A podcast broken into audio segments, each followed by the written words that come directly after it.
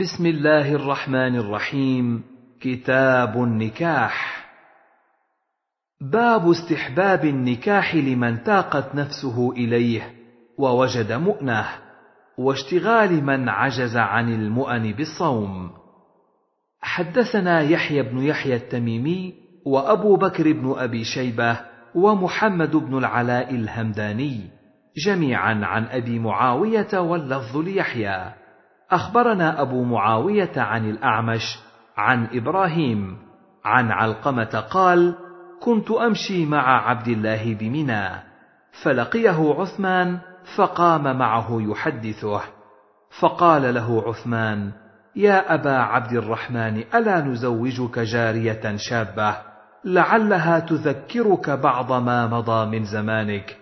قال فقال عبد الله لئن قلت ذاك لقد قال لنا رسول الله صلى الله عليه وسلم يا معشر الشباب من استطاع منكم الباءة فليتزوج فإنه أغض للبصر وأحصن للفرج ومن لم يستطع فعليه بالصوم فإنه له وجاء.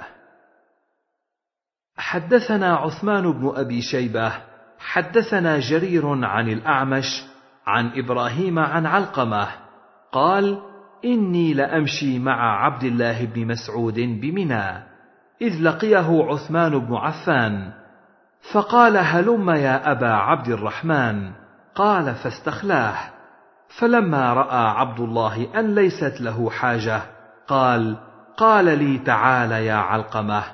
قال فجئت فقال له عثمان ألا نزوجك يا أبا عبد الرحمن جارية بكرا؟ لعله يرجع إليك من نفسك ما كنت تعهد. فقال عبد الله لئن قلت ذاك فذكر بمثل حديث أبي معاوية. حدثنا أبو بكر بن أبي شيبة وأبو كريب.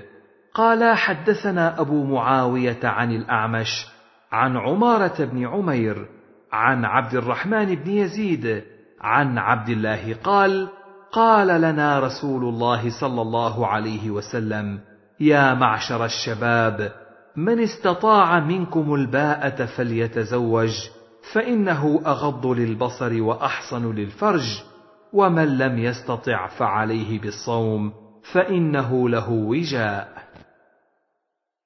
حدثنا عثمان بن أبي شيبة حدثنا جرير عن الأعمش عن عمارة بن عمير عن عبد الرحمن بن يزيد قال دخلت أنا وعمي علقمة والأسود على عبد الله بن مسعود.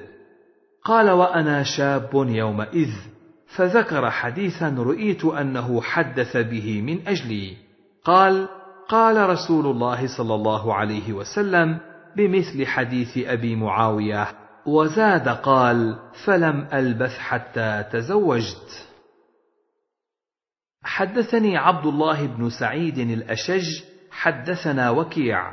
حدثنا الأعمش عن عمارة بن عمير عن عبد الرحمن بن يزيد. عن عبد الله قال دخلنا عليه وأنا أحدث القوم بمثل حديثهم ولم يذكر فلم ألبث حتى تزوجت. وحدثني أبو بكر بن نافع العبدي. حدثنا بهز حدثنا حماد بن سلمة عن ثابت عن أنس أن نفرا من أصحاب النبي صلى الله عليه وسلم سألوا أزواج النبي صلى الله عليه وسلم عن عمله في السر فقال بعضهم لا أتزوج النساء. وقال بعضهم لا آكل اللحم. وقال بعضهم لا أنام على فراش. فحمد الله وأثنى عليه فقال ما بال أقوام قالوا كذا وكذا لكني أصلي وأنام وأصوم وأفطر وأتزوج النساء فمن رغب عن سنتي فليس مني.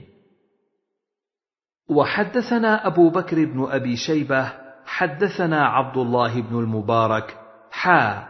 وحدثنا أبو كريب محمد بن العلاء واللفظ له. أخبرنا ابن المبارك عن معمر عن الزهري عن سعيد بن المسيب عن سعد بن أبي وقاص قال رد رسول الله صلى الله عليه وسلم على عثمان بن مظعون التبتل ولو أذن له لاختصينا. وحدثني أبو عمران محمد بن جعفر بن زياد حدثنا إبراهيم بن سعد عن ابن شهاب الزهري عن سعيد بن المسيب قال سمعت سعدا يقول رد على عثمان بن مظعون التبتل ولو أذن له لاختصينا.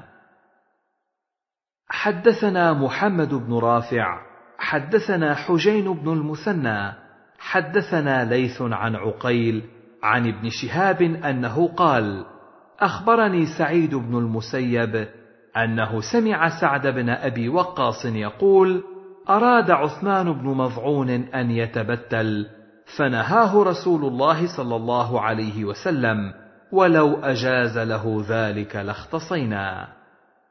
باب ندب من رأى امرأة فوقعت في نفسه إلى أن يأتي امرأته أو جاريته فيواقعها. حدثنا عمرو بن علي حدثنا عبد الأعلى حدثنا هشام بن أبي عبد الله عن أبي الزبير عن جابر أن رسول الله صلى الله عليه وسلم رأى امرأة فأتى امرأته زينب وهي تمعس منيئة لها فقضى حاجته ثم خرج إلى أصحابه فقال إن المرأة تقبل في صورة شيطان وتدبر في صورة شيطان فإذا أبصر أحدكم امرأة فليأت أهله فإن ذلك يرد ما في نفسه. حدثنا زهير بن حرب حدثنا عبد الصمد بن عبد الوارث حدثنا حرب بن أبي العالية حدثنا أبو الزبير عن جابر بن عبد الله أن النبي صلى الله عليه وسلم رأى امرأة فذكر بمثله غير أنه قال فأتى امرأته زينب وهي تمعس منيئة ولم يذكر تدبر في صورة شيطان. وحدثني سلمة بن شبيب حدثنا الحسن بن أعين حدثنا معقل عن أبي الزبير قال قال جابر سمعت النبي صلى الله عليه وسلم يقول إذا أحدكم أعجبته المرأة فوقعت في قلبه فليعمد إلى امرأته فليواقعها فإن ذلك يرد ما في نفسه. باب نكاح المتعة. وبيان أنه أبيح ثم نسخ ثم أبيح ثم نسخ واستقر تحريمه إلى يوم القيامة. حدثنا محمد بن عبد الله بن نمير الهمداني حدثنا أبي ووكيع وابن بشر عن إسماعيل عن قيس قال سمعت عبد الله يقول كنا نغزو مع رسول الله صلى الله عليه وسلم ليس لنا نساء. فقلنا ألا نستخصي؟ فنهانا عن ذلك. ثم رخص لنا أن ننكح المرأة بالثوب إلى أجل. ثم قرأ عبد الله يا أيها الذين آمنوا لا تحرموا طيبات ما أحل الله لكم ولا تعتدوا. إن الله لا يحب المعتدين. وحدثنا عثمان بن أبي شيبة حدثنا جرير عن إسماعيل بن أبي خالد بهذا الإسناد مثله وقال ثم قرأ علينا هذه الآية ولم يقل قرأ عبد الله. وحدثنا أبو بكر بن أبي شيبة حدثنا وكيع عن إسماعيل بهذا الإسناد قال كنا ونحن شباب فقلنا يا رسول الله ألا نستخصي ولم يقل نغزو. وحدثنا محمد بن بشار حدثنا محمد بن جعفر حدثنا شعبة عن عمرو بن دينار. قال سمعت الحسن بن محمد يحدث عن جابر بن عبد الله وسلمة بن الأكوع. قالا خرج علينا منادي رسول الله صلى الله عليه وسلم فقال إن رسول الله صلى الله عليه وسلم قد أذن لكم أن تستمتعوا يعني متعة النساء. وحدثني أمية بن بسطام العيشي. حدثنا يزيد يعني بن زريع. حدثنا روح يعني بن القاسم. عن عمرو بن دينار. عن الحسن بن محمد. عن سلمة بن الأكوع وجابر بن عبد الله. أن رسول الله صلى الله عليه وسلم أتانا فأذن لنا في المتعة. وحدثنا الحسن الحلواني حدثنا عبد الرزاق أخبرنا ابن جريج قال قال عطاء قدم جابر بن عبد الله معتمرا فجئناه في منزله فسأله القوم عن أشياء ثم ذكروا المتعة فقال نعم استمتعنا على عهد رسول الله صلى الله عليه وسلم وأبي بكر وعمر. حدثني محمد بن رافع. حدثنا عبد الرزاق. أخبرنا ابن جريج. أخبرني أبو الزبير. قال سمعت جابر بن عبد الله يقول كنا نستمتع بالقبضة من التمر والدقيق. الأيام على عهد رسول الله صلى الله عليه وسلم وأبي بكر. حتى نهى عنه عمر. في شأن عمرو بن حريث. حدثنا حامد بن عمر البكراوي حدثنا عبد الواحد يعني بن زياد عن عاصم عن أبي نضرة قال كنت عند جابر بن عبد الله فأتاه آت فقال ابن عباس وابن الزبير اختلفا في المتعتين فقال جابر فعلناهما مع رسول الله صلى الله عليه وسلم ثم نهانا عنهما عمر فلم نعد لهما.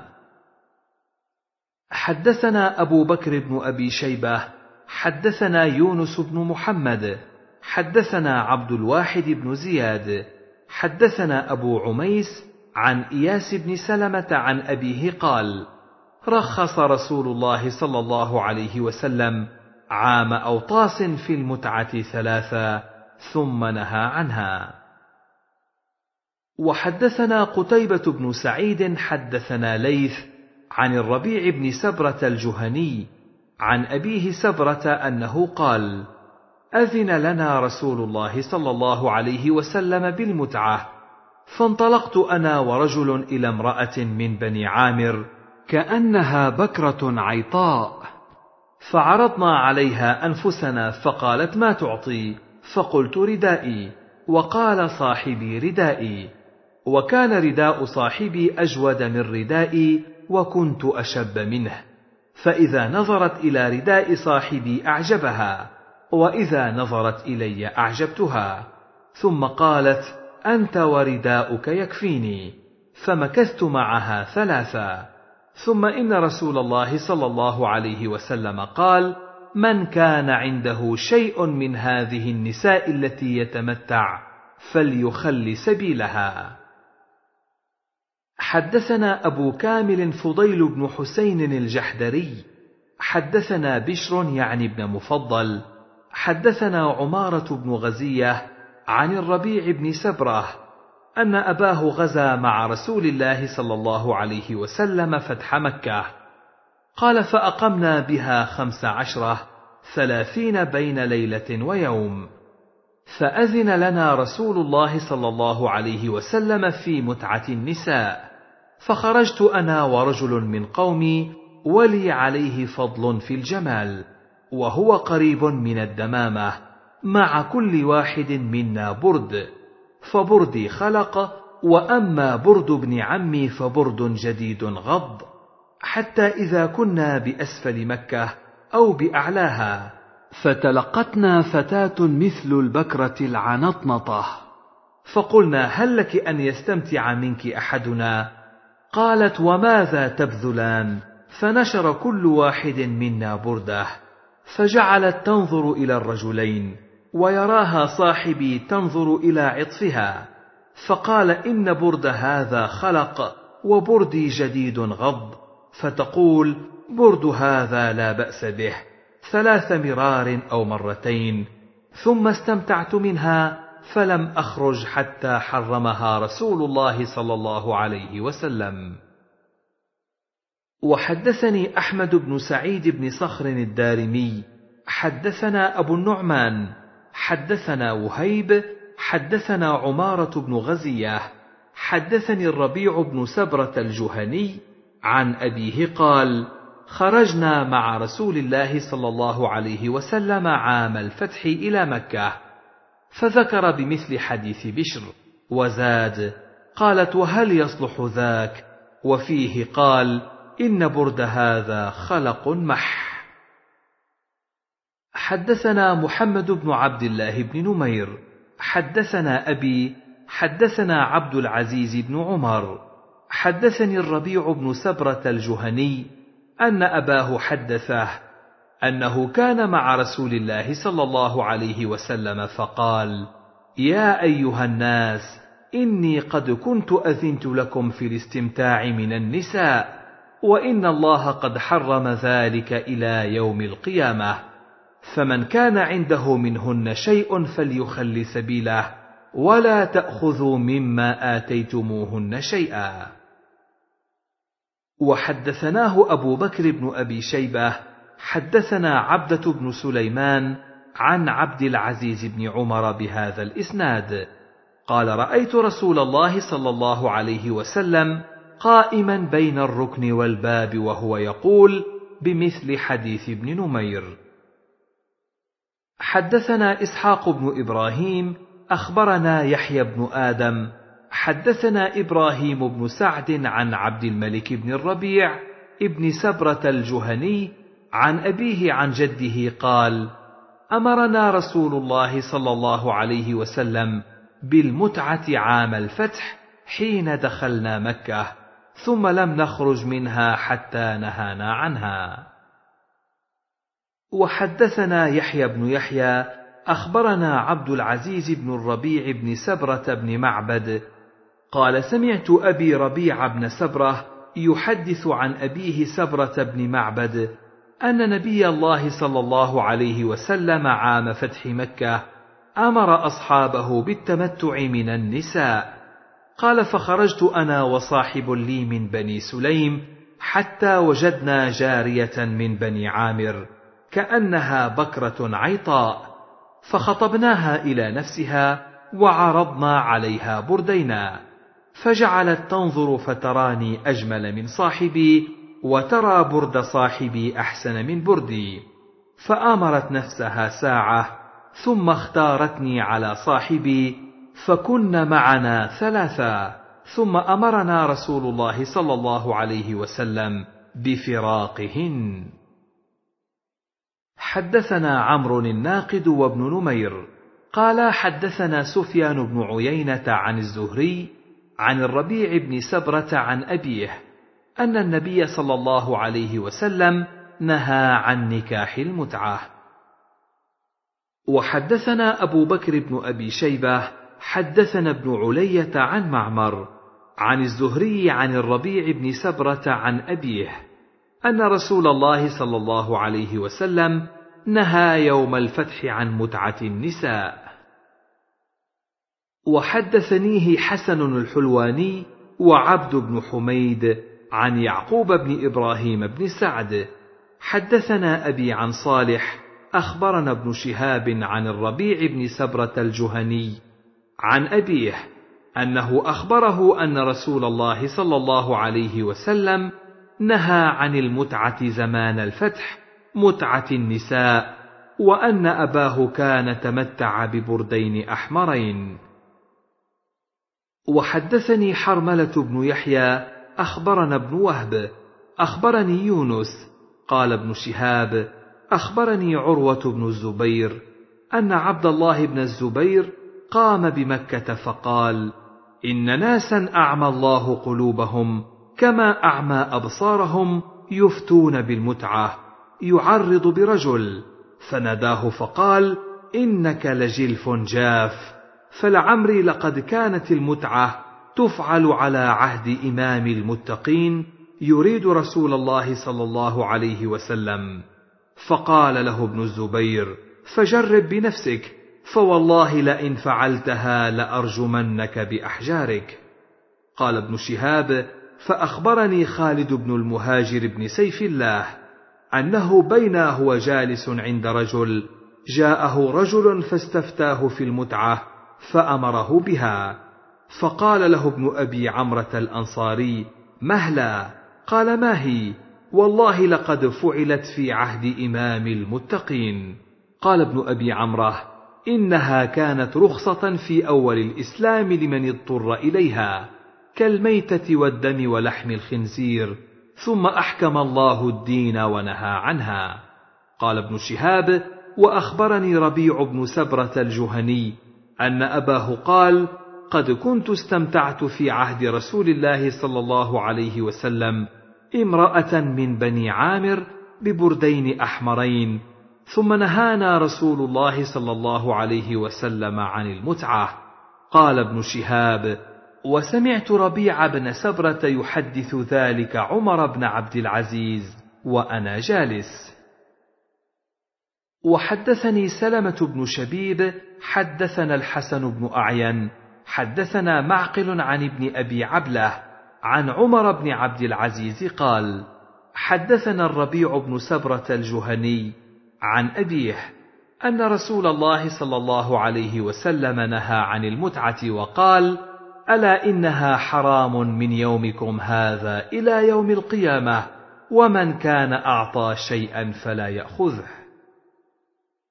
حدثنا يحيى بن يحيى قال قرأت على مالك عن ابن شهاب عن عبد الله والحسن بن محمد بن علي عن أبيهما عن علي بن أبي طالب أن رسول الله صلى الله عليه وسلم نهى عن متعة النساء يوم خيبر وعن أكل لحوم الحمر الإنسية. وحدثناه عبد الله بن محمد بن أسماء الضبعي. حدثنا جويرية عن مالك بهذا الإسناد وقال سمع علي بن أبي طالب يقول لفلان إنك رجل تائه. نهانا رسول الله صلى الله عليه وسلم. بمثل حديث يحيى بن يحيى عن مالك. حدثنا أبو بكر بن أبي شيبة وابن نمير وزهير بن حرب جميعا عن ابن عيينة. قال زهير حدثنا سفيان بن عيينة عن الزهري عن الحسن وعبد الله بن محمد بن علي عن أبيهما عن علي أن النبي صلى الله عليه وسلم نهى عن نكاح المتعة يوم خيبر وعن لحوم الحمر الأهلية.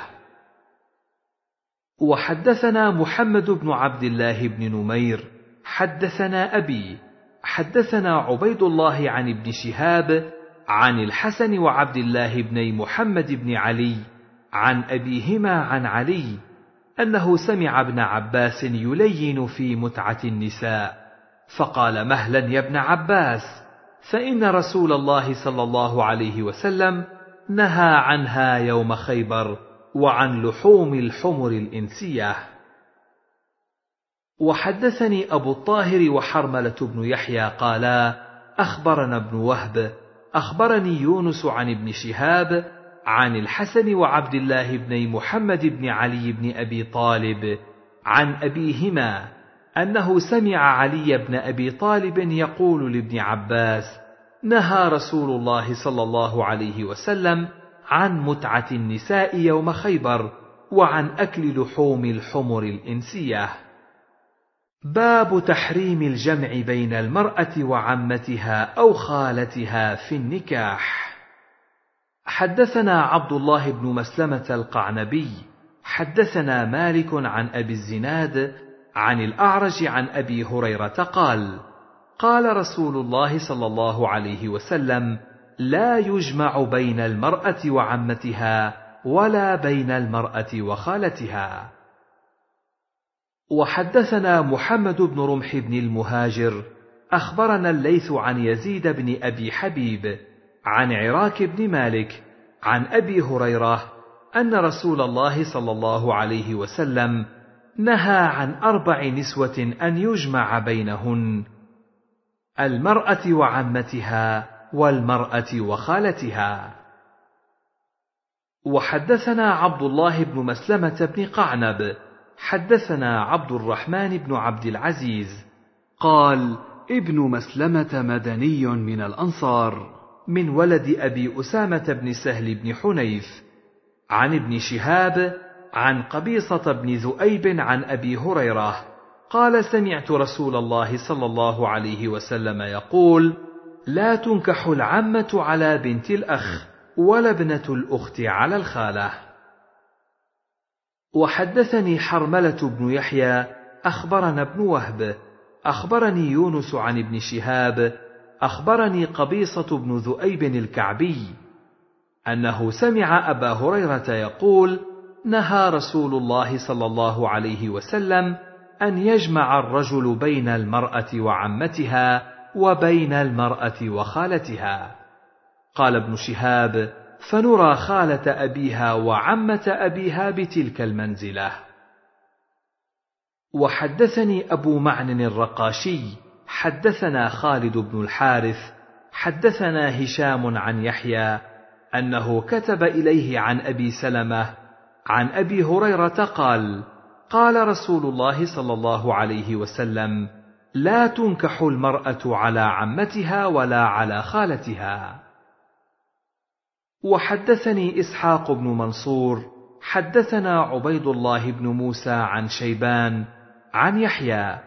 حدثني أبو سلمة أنه سمع أبا هريرة يقول قال رسول الله صلى الله عليه وسلم بمثله.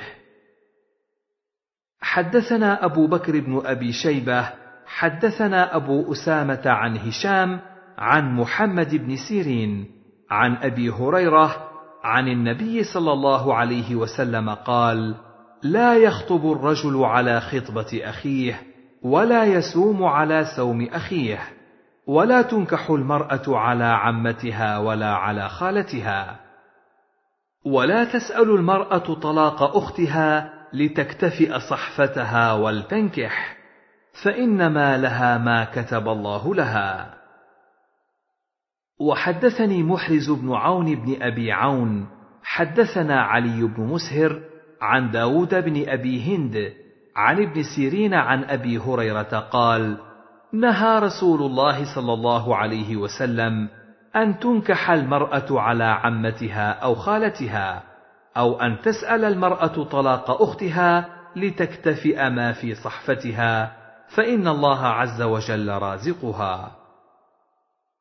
حدثنا محمد بن المثنى وابن بشار وأبو بكر بن نافع واللفظ لابن المثنى وابن نافع. قالوا أخبرنا ابن أبي عدي عن شعبة عن عمرو بن دينار عن أبي سلمة عن أبي هريرة قال نهى رسول الله صلى الله عليه وسلم أن يجمع بين المرأة وعمتها وبين المرأة وخالتها. وحدثني محمد بن حاتم حدثنا شبابه حدثنا ورقاء عن عمرو بن دينار بهذا الإسناد مثله. باب تحريم نكاح المحرم وكراهة خطبته. حدثنا يحيى بن يحيى قال قرأت على مالك عن نافع عن نبيه بن وهب أن عمر بن عبيد الله أراد أن يزوج طلحة بن عمر بنت شيبة بن جبير فأرسل إلى أبان بن عثمان يحضر ذلك وهو أمير الحج. فقال أبان سمعت عثمان بن عفان يقول قال رسول الله صلى الله عليه وسلم لا ينكح المحرم ولا ينكح ولا يخطب.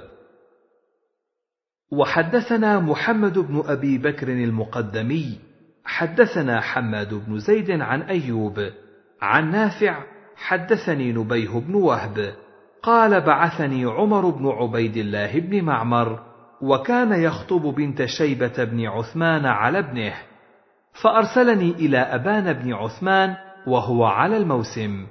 فقال ألا أراه أعرابيا؟ إن المحرم لا ينكح ولا ينكح.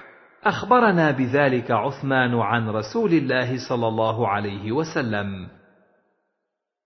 وحدثني أبو غسان المسمعي حدثنا عبد الأعلى حا. وحدثني أبو الخطاب زياد بن يحيى.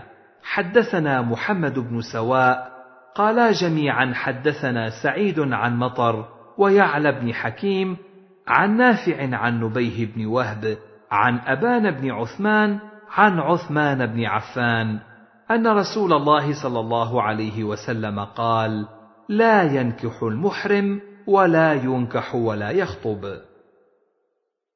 وحدثنا أبو بكر بن أبي شيبة وعمر الناقد وزهير بن حرب جميعا عن ابن عيينة. قال زهير حدثنا سفيان بن عيينة عن أيوب بن موسى عن نبيه بن وهب عن أبان بن عثمان عن عثمان يبلغ به النبي صلى الله عليه وسلم قال المحرم لا ينكح ولا يخطب. حدثنا عبد الملك بن شعيب بن الليث حدثني أبي عن جدي حدثني خالد بن يزيد حدثني سعيد بن أبي هلال عن نبيه بن وهب أن عمر بن عبيد الله بن معمر أراد أن ينكح ابنه طلحة بنت شيبة بن جبير في الحج وأبان بن عثمان يومئذ أمير الحاج فأرسل إلى أبان إني قد أردت أن أنكح طلحة بن عمر فأحب أن تحضر ذلك فقال له أبان ألا أراك عراقيا جافيا. إني سمعت عثمان بن عفان يقول قال رسول الله صلى الله عليه وسلم لا ينكح المحرم. وحدثنا أبو بكر بن أبي شيبة وابن نمير وإسحاق الحنظلي جميعا عن ابن عيينة. قال ابن نمير حدثنا سفيان بن عيينة عن عمرو بن دينار عن أبي الشعثاء أن ابن عباس أخبره أن النبي صلى الله عليه وسلم تزوج ميمونة وهو محرم. زاد ابن نمير فحدثت به الزهري فقال أخبرني يزيد بن الأصم انه نكحها وهو حلال. وحدثنا يحيى بن يحيى أخبرنا داود بن عبد الرحمن عن عمرو بن دينار عن جابر بن زيد أبي الشعثاء عن ابن عباس أنه قال تزوج رسول الله صلى الله عليه وسلم ميمونة وهو محرم. حدثنا أبو بكر بن أبي شيبة حدثنا يحيى بن آدم حدثنا جرير بن حازم حدثنا أبو فزارة عن يزيد بن الأصم. حدثتني ميمونة بنت الحارث أن رسول الله صلى الله عليه وسلم تزوجها وهو حلال. قال وكانت خالتي وخالة ابن عباس. باب تحريم الخطبة على خطبة أخيه حتى يأذن أو يترك. وحدثنا قتيبة بن سعيد حدثنا ليث حا. وحدثنا ابن رمح أخبرنا الليث عن نافع عن ابن عمر. عن النبي صلى الله عليه وسلم قال لا يبع بعضكم على بيع بعض ولا يخطب بعضكم على خطبة بعض. وحدثني زهير بن حرب ومحمد بن المثنى جميعا عن يحيى القطان. قال زهير حدثنا يحيى عن عبيد الله أخبرني نافع عن ابن عمر عن النبي صلى الله عليه وسلم قال لا يبع الرجل على بيع أخيه ولا يخطب على خطبة أخيه إلا أن يأذن له. وحدثناه أبو بكر بن أبي شيبة حدثنا علي بن مسهر عن عبيد الله بهذا الإسناد.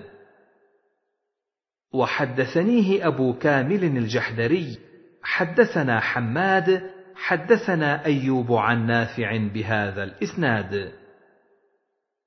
وحدثني عمرو الناقد وزهير بن حرب وابن أبي عمر. قال زهير حدثنا سفيان بن عيينة عن الزهري عن سعيد عن أبي هريرة أن النبي صلى الله عليه وسلم نهى أن يبيع حاضر لباد أو يتناجشوا أو يخطب الرجل على خطبة أخيه أو يبيع على بيع أخيه.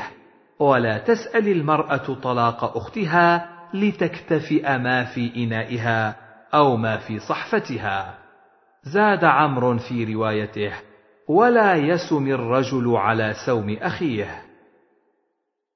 وحدثني حرملة بن يحيى أخبرنا ابن وهب أخبرني يونس عن ابن شهاب حدثني سعيد بن المسيب أن أبا هريرة قال قال رسول الله صلى الله عليه وسلم لا تناجشوا ولا يبع المرء على بيع أخيه ولا يبع حاضر لباد ولا يخطب المرء على خطبة أخيه ولا تسأل المرأة طلاق الأخرى لتكتفئ ما في إنائها.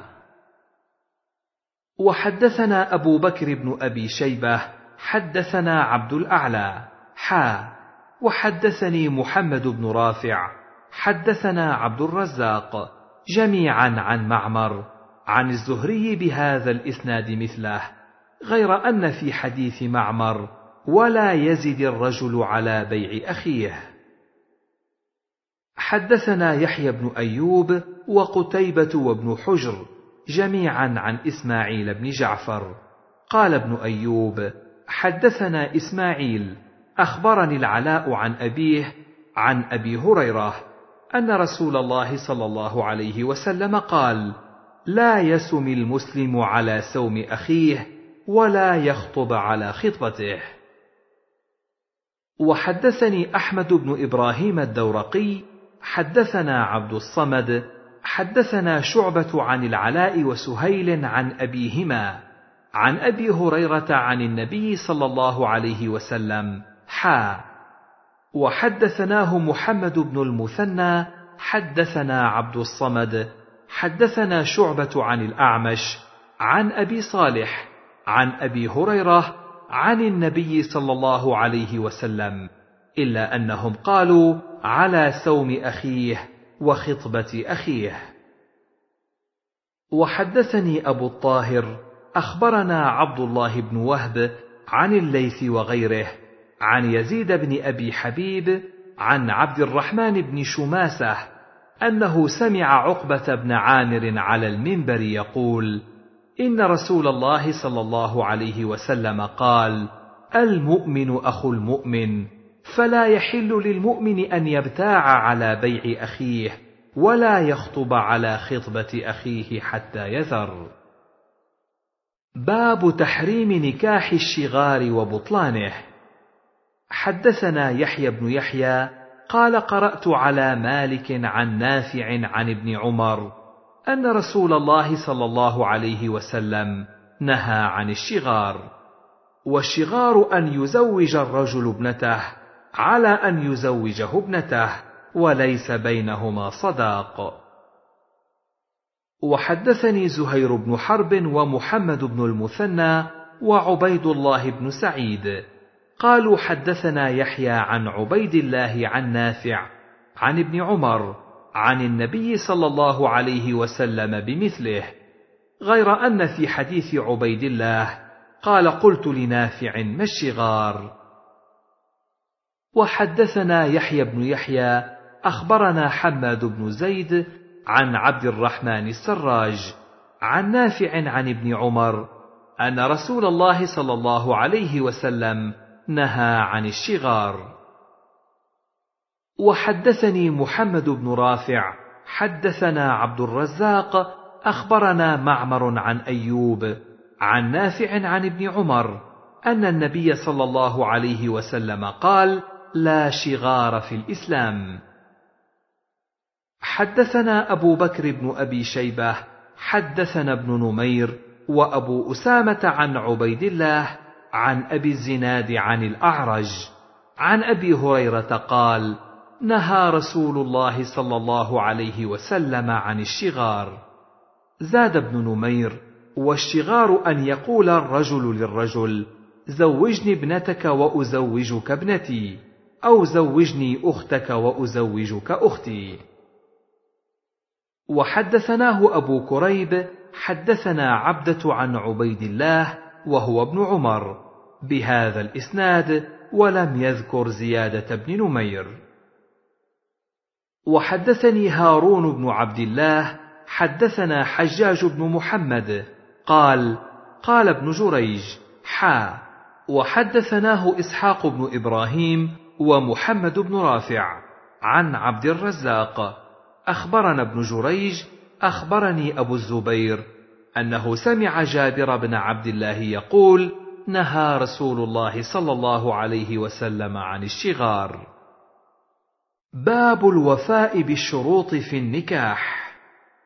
حدثنا يحيى بن أيوب حدثنا هشيم حا وحدثنا ابن نمير حدثنا وكيع حا وحدثنا أبو بكر بن أبي شيبة حدثنا أبو خالد الأحمر حا وحدثنا محمد بن المثنى حدثنا يحيى وهو القطان عن عبد الحميد بن جعفر عن يزيد بن أبي حبيب عن مرثد بن عبد الله اليزني عن عقبة بن عامر قال قال رسول الله صلى الله عليه وسلم إن أحق الشرط أن يوفى به ما استحللتم به الفروج. هذا لفظ حديث أبي بكر وابن المثنى غير أن ابن المثنى قال الشروط. باب استئذان الثيب في النكاح بالنطق والبكر بالسكوت. حدثني عبيد الله بن عمر بن ميسرة القواريري. حدثنا خالد بن الحارث. حدثنا هشام عن يحيى بن أبي كثير. حدثنا أبو سلمة. حدثنا أبو هريرة. أن رسول الله صلى الله عليه وسلم قال لا تنكح الأيم حتى تستأمر ولا تنكح البكر حتى تستأذن. قالوا يا رسول الله وكيف إذنها؟ قال أن تسكت. وحدثني زهير بن حرب حدثنا إسماعيل بن إبراهيم حدثنا الحجاج بن أبي عثمان. حا. وحدثني إبراهيم بن موسى أخبرنا عيسى يعني ابن يونس عن الأوزاعي حا وحدثني زهير بن حرب حدثنا حسين بن محمد حدثنا شيبان حا وحدثني عمرو الناقد ومحمد بن رافع قال حدثنا عبد الرزاق عن معمر حا وحدثنا عبد الله بن عبد الرحمن الدارمي أخبرنا يحيى بن حسان حدثنا معاوية كلهم عن يحيى بن أبي كثير بمثل معنى حديث هشام وإسناده. واتفق لفظ حديث هشام وشيبان ومعاوية بن سلام في هذا الحديث. حدثنا أبو بكر بن أبي شيبة حدثنا عبد الله بن إدريس عن ابن جريج. حا. وحدثنا إسحاق بن إبراهيم ومحمد بن رافع جميعا عن عبد الرزاق واللفظ لابن رافع. حدثنا عبد الرزاق أخبرنا ابن جريج قال سمعت ابن أبي مليكة يقول قال ذكوان مولى عائشة. سمعت عائشة تقول سألت رسول الله صلى الله عليه وسلم عن الجارية ينكحها أهلها أتستأمر أم لا؟ فقال لها رسول الله صلى الله عليه وسلم نعم تستأمر. فقالت عائشة فقلت له فإنها تستحي. فقال رسول الله صلى الله عليه وسلم فذلك إذنها إذا هي سكتت. حدثنا سعيد بن منصور وقتيبة بن سعيد. قال حدثنا مالك حا. وحدثنا يحيى بن يحيى واللفظ له. قال قلت لمالك حدثك عبد الله بن الفضل عن نافع بن جبير عن ابن عباس أن النبي صلى الله عليه وسلم قال الأيم أحق بنفسها من وليها. والبكر تستأذن في نفسها وإذنها صماتها. قال نعم. وحدثنا قتيبة بن سعيد حدثنا سفيان عن زياد بن سعد عن عبد الله بن الفضل. سمع نافع بن جبير يخبر عن ابن عباس أن النبي صلى الله عليه وسلم قال الثيب أحق بنفسها من وليها والبكر تستأمر وإذنها سكوتها. وحدثنا ابن أبي عمر حدثنا سفيان بهذا الإسناد وقال الثيب أحق بنفسها من وليها والبكر يستأذنها أبوها في نفسها وإذنها صماتها وربما قال وصمتها إقرارها. باب تزويج الأب البكر الصغيرة. حدثنا أبو كريب محمد بن العلاء حدثنا أبو أسامة حا.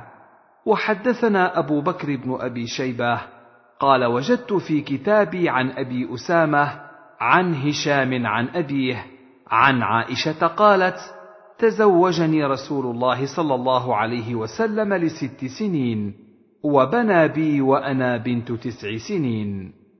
قالت فقدمنا المدينة فوعكت شهرا فوفى شعري جميمة. فأتتني أم رومان وأنا على أرجوحة ومعي صواحبي فصرخت بي فأتيتها وما أدري ما تريد بي. فأخذت بيدي فأوقفتني على الباب فقلت هه هه حتى ذهب نفسي.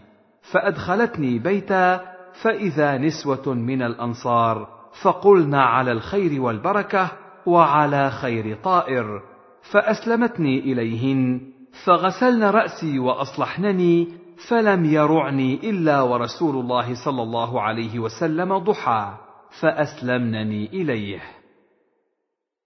وحدثنا يحيى بن يحيى أخبرنا أبو معاوية عن هشام بن عروة حا وحدثنا ابن نمير واللفظ له حدثنا عبدة هو سليمان عن هشام عن أبيه عن عائشة قالت تزوجني النبي صلى الله عليه وسلم وأنا بنت ست سنين وبنى بي وأنا بنت تسع سنين. وحدثنا عبد بن حميد أخبرنا عبد الرزاق أخبرنا معمر عن الزهري عن عروة عن عائشة أن النبي صلى الله عليه وسلم تزوجها وهي بنت سبع سنين وزفت إليه وهي بنت تسع سنين ولعبها معها ومات عنها وهي بنت ثمان عشرة. وحدثنا يحيى بن يحيى وإسحاق بن إبراهيم وأبو بكر بن أبي شيبة وأبو كريب. قال يحيى وإسحاق أخبرنا وقال الآخران حدثنا أبو معاوية عن الأعمش عن إبراهيم عن الأسود عن عائشة قالت تزوجها رسول الله صلى الله عليه وسلم وهي بنت ست سنين وبنى بها وهي بنت تسع ومات عنها وهي بنت ثمان عشرة. باب استحباب التزوج والتزويج في شوال واستحباب الدخول فيه. حدثنا أبو بكر بن أبي شيبة وزهير بن حرب واللفظ لزهير. قال حدثنا وكيع. حدثنا سفيان عن إسماعيل بن أمية. عن عبد الله بن عروة عن عروة. عن عائشة قالت تزوجني رسول الله صلى الله عليه وسلم في شوال وبنى بي في شوال. فأي نساء رسول الله صلى الله عليه وسلم كان أحظى عنده مني؟ قال: وكانت عائشة تستحب أن تدخل نساءها في شوال. وحدثناه ابن نمير حدثنا أبي حدثنا سفيان بهذا الإسناد ولم يذكر فعل عائشة. باب ندب النظر إلى وجه المرأة وكفيها لمن يريد تزوجها. حدثنا ابن أبي عمر حدثنا سفيان عن يزيد بن كيسان عن أبي حازم عن أبي هريرة. قال كنت عند النبي صلى الله عليه وسلم فأتاه رجل فأخبره أنه تزوج امرأة من الأنصار. فقال له رسول الله صلى الله عليه وسلم أنظرت إليها. قال لا.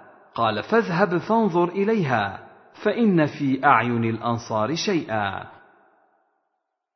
وحدثني يحيى بن معين حدثنا مروان بن معاوية الفزاري حدثنا يزيد بن كيسان عن أبي حازم عن أبي هريرة قال جاء رجل إلى النبي صلى الله عليه وسلم فقال إني تزوجت امرأة من الأنصار. فقال له النبي صلى الله عليه وسلم هل نظرت إليها؟ فإن في عيون الأنصار شيئا. قال قد نظرت إليها. قال على كم تزوجتها؟ قال على أربع أواق. فقال له النبي صلى الله عليه وسلم على أربع أواق كأنما تنحتون الفضة من عرض هذا الجبل ما عندنا ما نعطيك. ولكن عسى أن نبعثك في بعث تصيب منه. قال فبعث بعثا إلى بني عبس بعث ذلك الرجل فيهم. باب الصداق وجواز كونه تعليم قرآن وخاتم حديد وغير ذلك من قليل وكثير واستحباب كونه خمسمائة درهم لمن لا يجحف به. حدثنا قتيبة بن سعيد الثقفي حدثنا يعقوب يعني بن عبد الرحمن القاري عن أبي حازم عن سهل بن سعد حا وحدثناه قتيبة حدثنا عبد العزيز بن أبي حازم عن أبيه عن سهل بن سعد الساعدي قال جاءت امرأة إلى رسول الله صلى الله عليه وسلم فقالت يا رسول الله جئت أهب لك نفسي فنظر إليها رسول الله صلى الله عليه وسلم فصعد النظر فيها وصوبه ثم طأطأ رسول الله صلى الله عليه وسلم رأسه.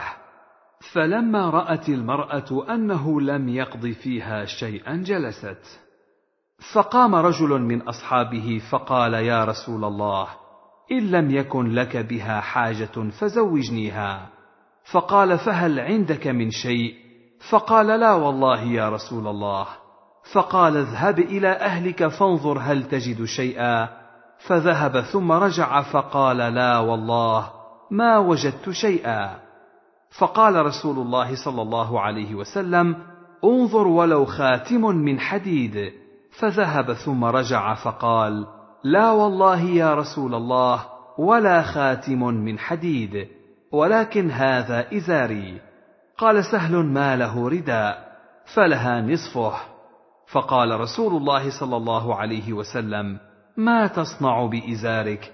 إن لبسته لم يكن عليها منه شيء وإن لبسته لم يكن عليك منه شيء. فجلس الرجل حتى إذا طال مجلسه قام فرآه رسول الله صلى الله عليه وسلم موليا فأمر به فدعي فلما جاء قال ماذا معك من القرآن؟ قال معي سورة كذا وسورة كذا. عددها. فقال تقرأهن عن ظهر قلبك؟ قال نعم. قال اذهب فقد ملكتها بما معك من القرآن. هذا حديث ابن أبي حازم وحديث يعقوب يقاربه في اللفظ.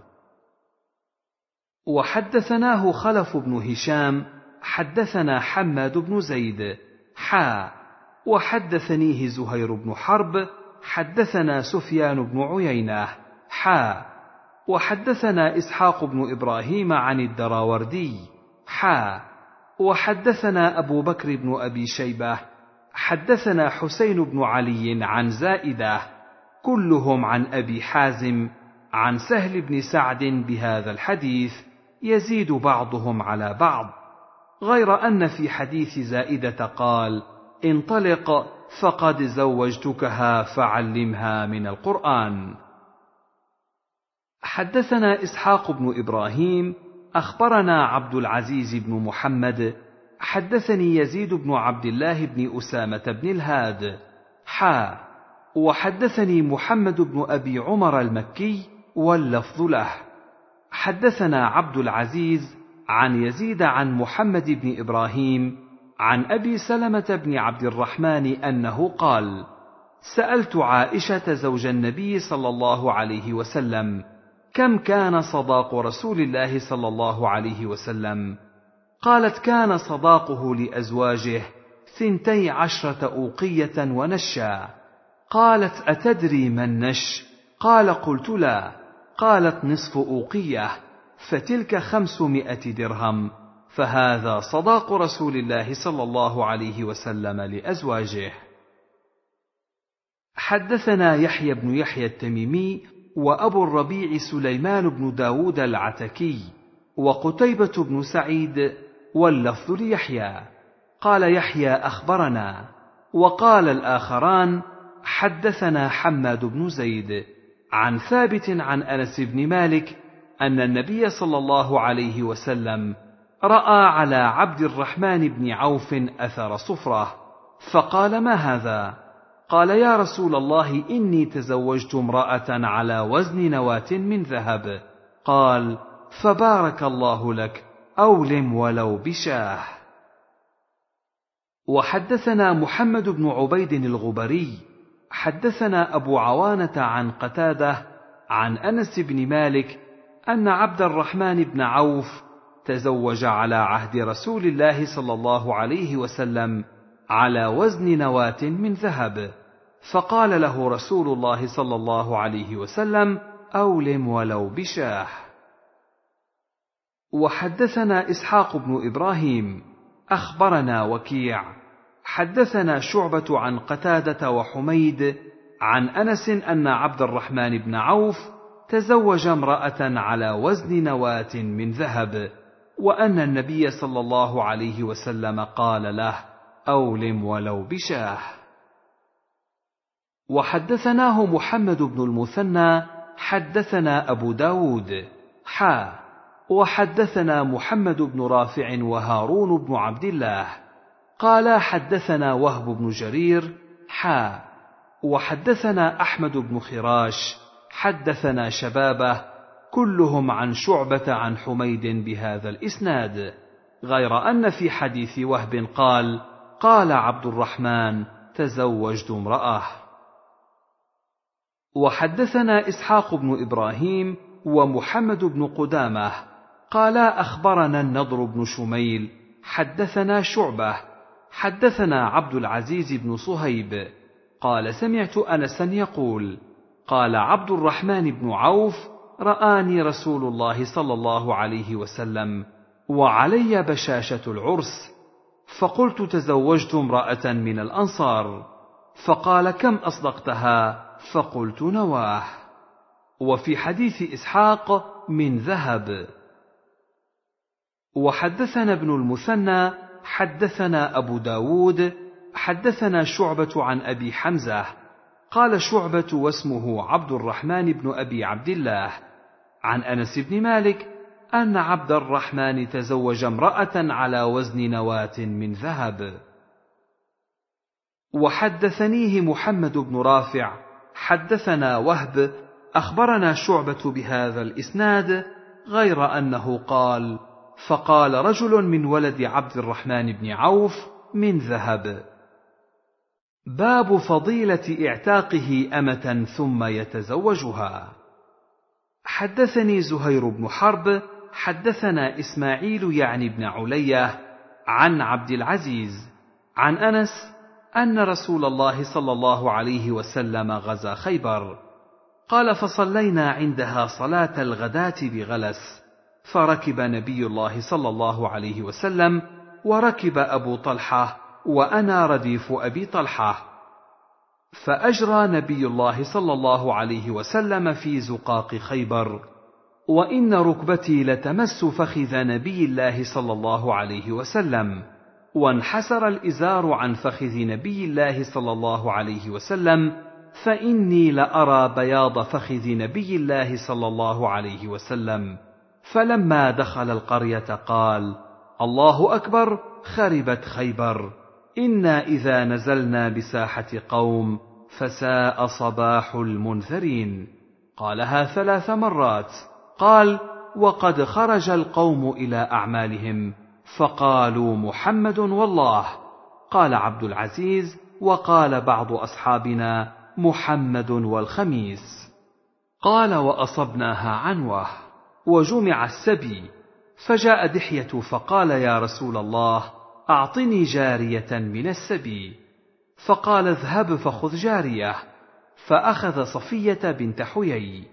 فجاء رجل إلى نبي الله صلى الله عليه وسلم فقال يا نبي الله أعطيت دحية صفية بنت حيي سيد قريظة والنضير ما تصلح إلا لك؟ قال ادعوه بها. قال فجاء بها. فلما نظر إليها النبي صلى الله عليه وسلم قال خذ جارية من السبي غيرها. قال وأعتقها وتزوجها. فقال له ثابت يا أبا حمزة ما أصدقها؟ قال نفسها أعتقها وتزوجها. حتى إذا كان بالطريق جهزتها له أم سليم فأهدتها له من الليل. فأصبح النبي صلى الله عليه وسلم عروسا فقال من كان عنده شيء فليجئ به. قال وبسط نطعا قال فجعل الرجل يجيء بالأقط وجعل الرجل يجيء بالتمر وجعل الرجل يجيء بالسمن. فحاسوا حيسا فكانت وليمة رسول الله صلى الله عليه وسلم. وحدثني أبو الربيع الزهراني حدثنا حماد يعني ابن زيد عن ثابت وعبد العزيز بن صهيب عن أنس حا وحدثناه قتيبة بن سعيد حدثنا حماد يعني ابن زيد عن ثابت وشعيب بن حبحاب عن أنس حا وحدثنا قتيبة حدثنا أبو عوانة عن قتادة وعبد العزيز عن أنس حا وحدثنا محمد بن عبيد الغبري حدثنا أبو عوانة عن أبي عثمان عن أنس حا وحدثني زهير بن حرب حدثنا معاذ بن هشام حدثني أبي عن شعيب بن الحبحاب عن أنس حا وحدثني محمد بن رافع حدثنا يحيى بن آدم وعمر بن سعد وعبد الرزاق جميعا عن سفيان عن يونس بن عبيد عن شعيب بن الحبحاب عن أنس كلهم عن النبي صلى الله عليه وسلم أنه أعتق صفية وجعل عتقها صداقها. وفي حديث معاذ عن أبيه تزوج صفية وأصدقها عتقها. وحدثنا يحيى بن يحيى. أخبرنا خالد بن عبد الله عن مطرف عن عامر عن أبي بردة عن أبي موسى قال قال رسول الله صلى الله عليه وسلم في الذي يعتق جاريته ثم يتزوجها له أجران. حدثنا أبو بكر بن أبي شيبة حدثنا عفان حدثنا حماد بن سلمة حدثنا ثابت عن أنس قال كنت ردف ابي طلحة يوم خيبر وقدمي تمس قدم رسول الله صلى الله عليه وسلم.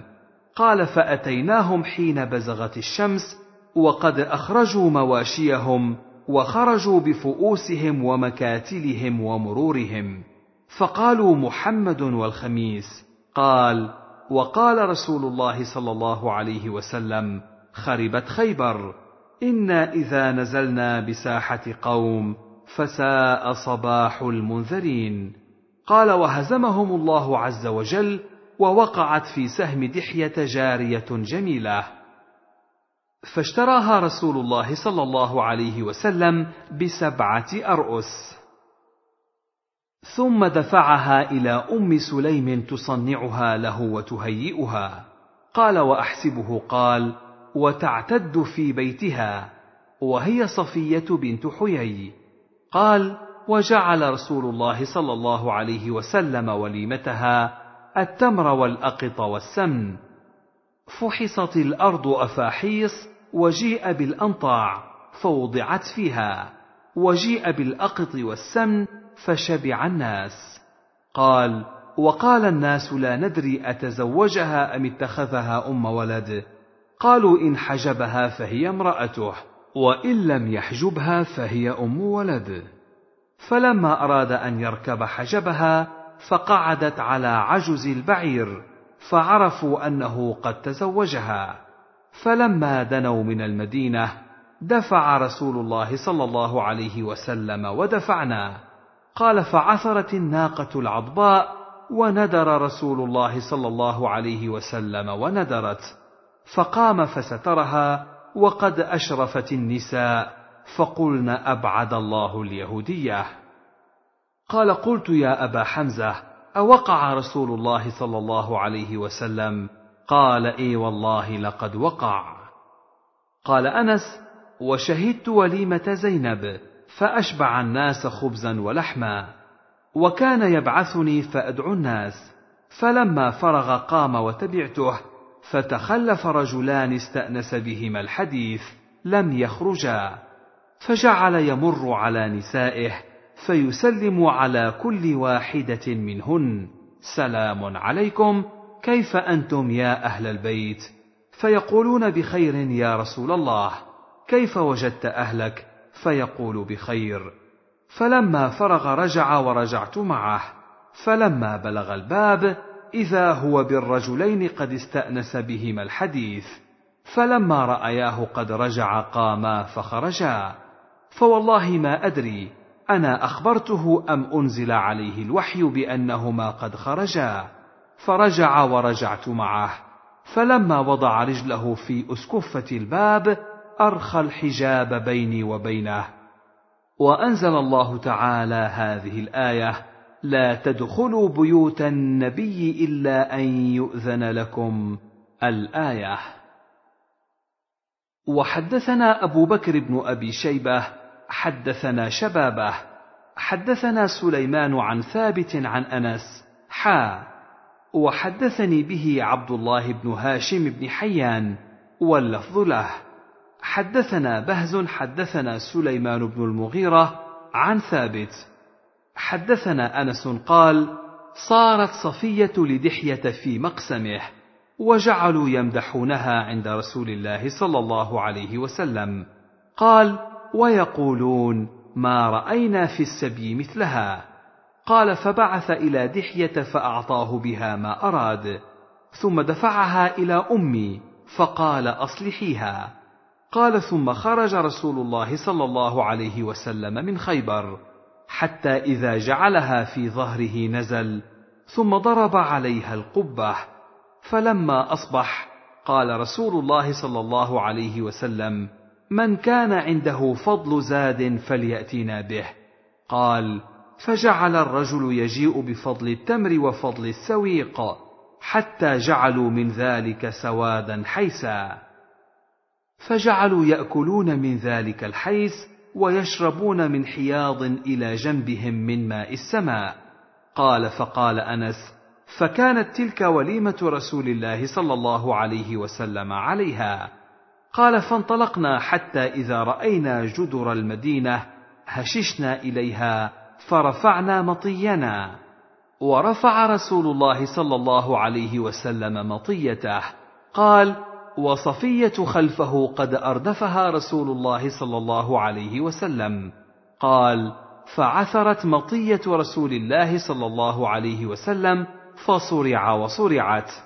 قال فليس أحد من الناس ينظر إليه ولا إليها حتى قام رسول الله صلى الله عليه وسلم فسترها. قال فأتيناه؟ فقال لم نضر. قال فدخلنا المدينة. فخرج جواري نسائه يتراءينها ويشمتن بصرعتها.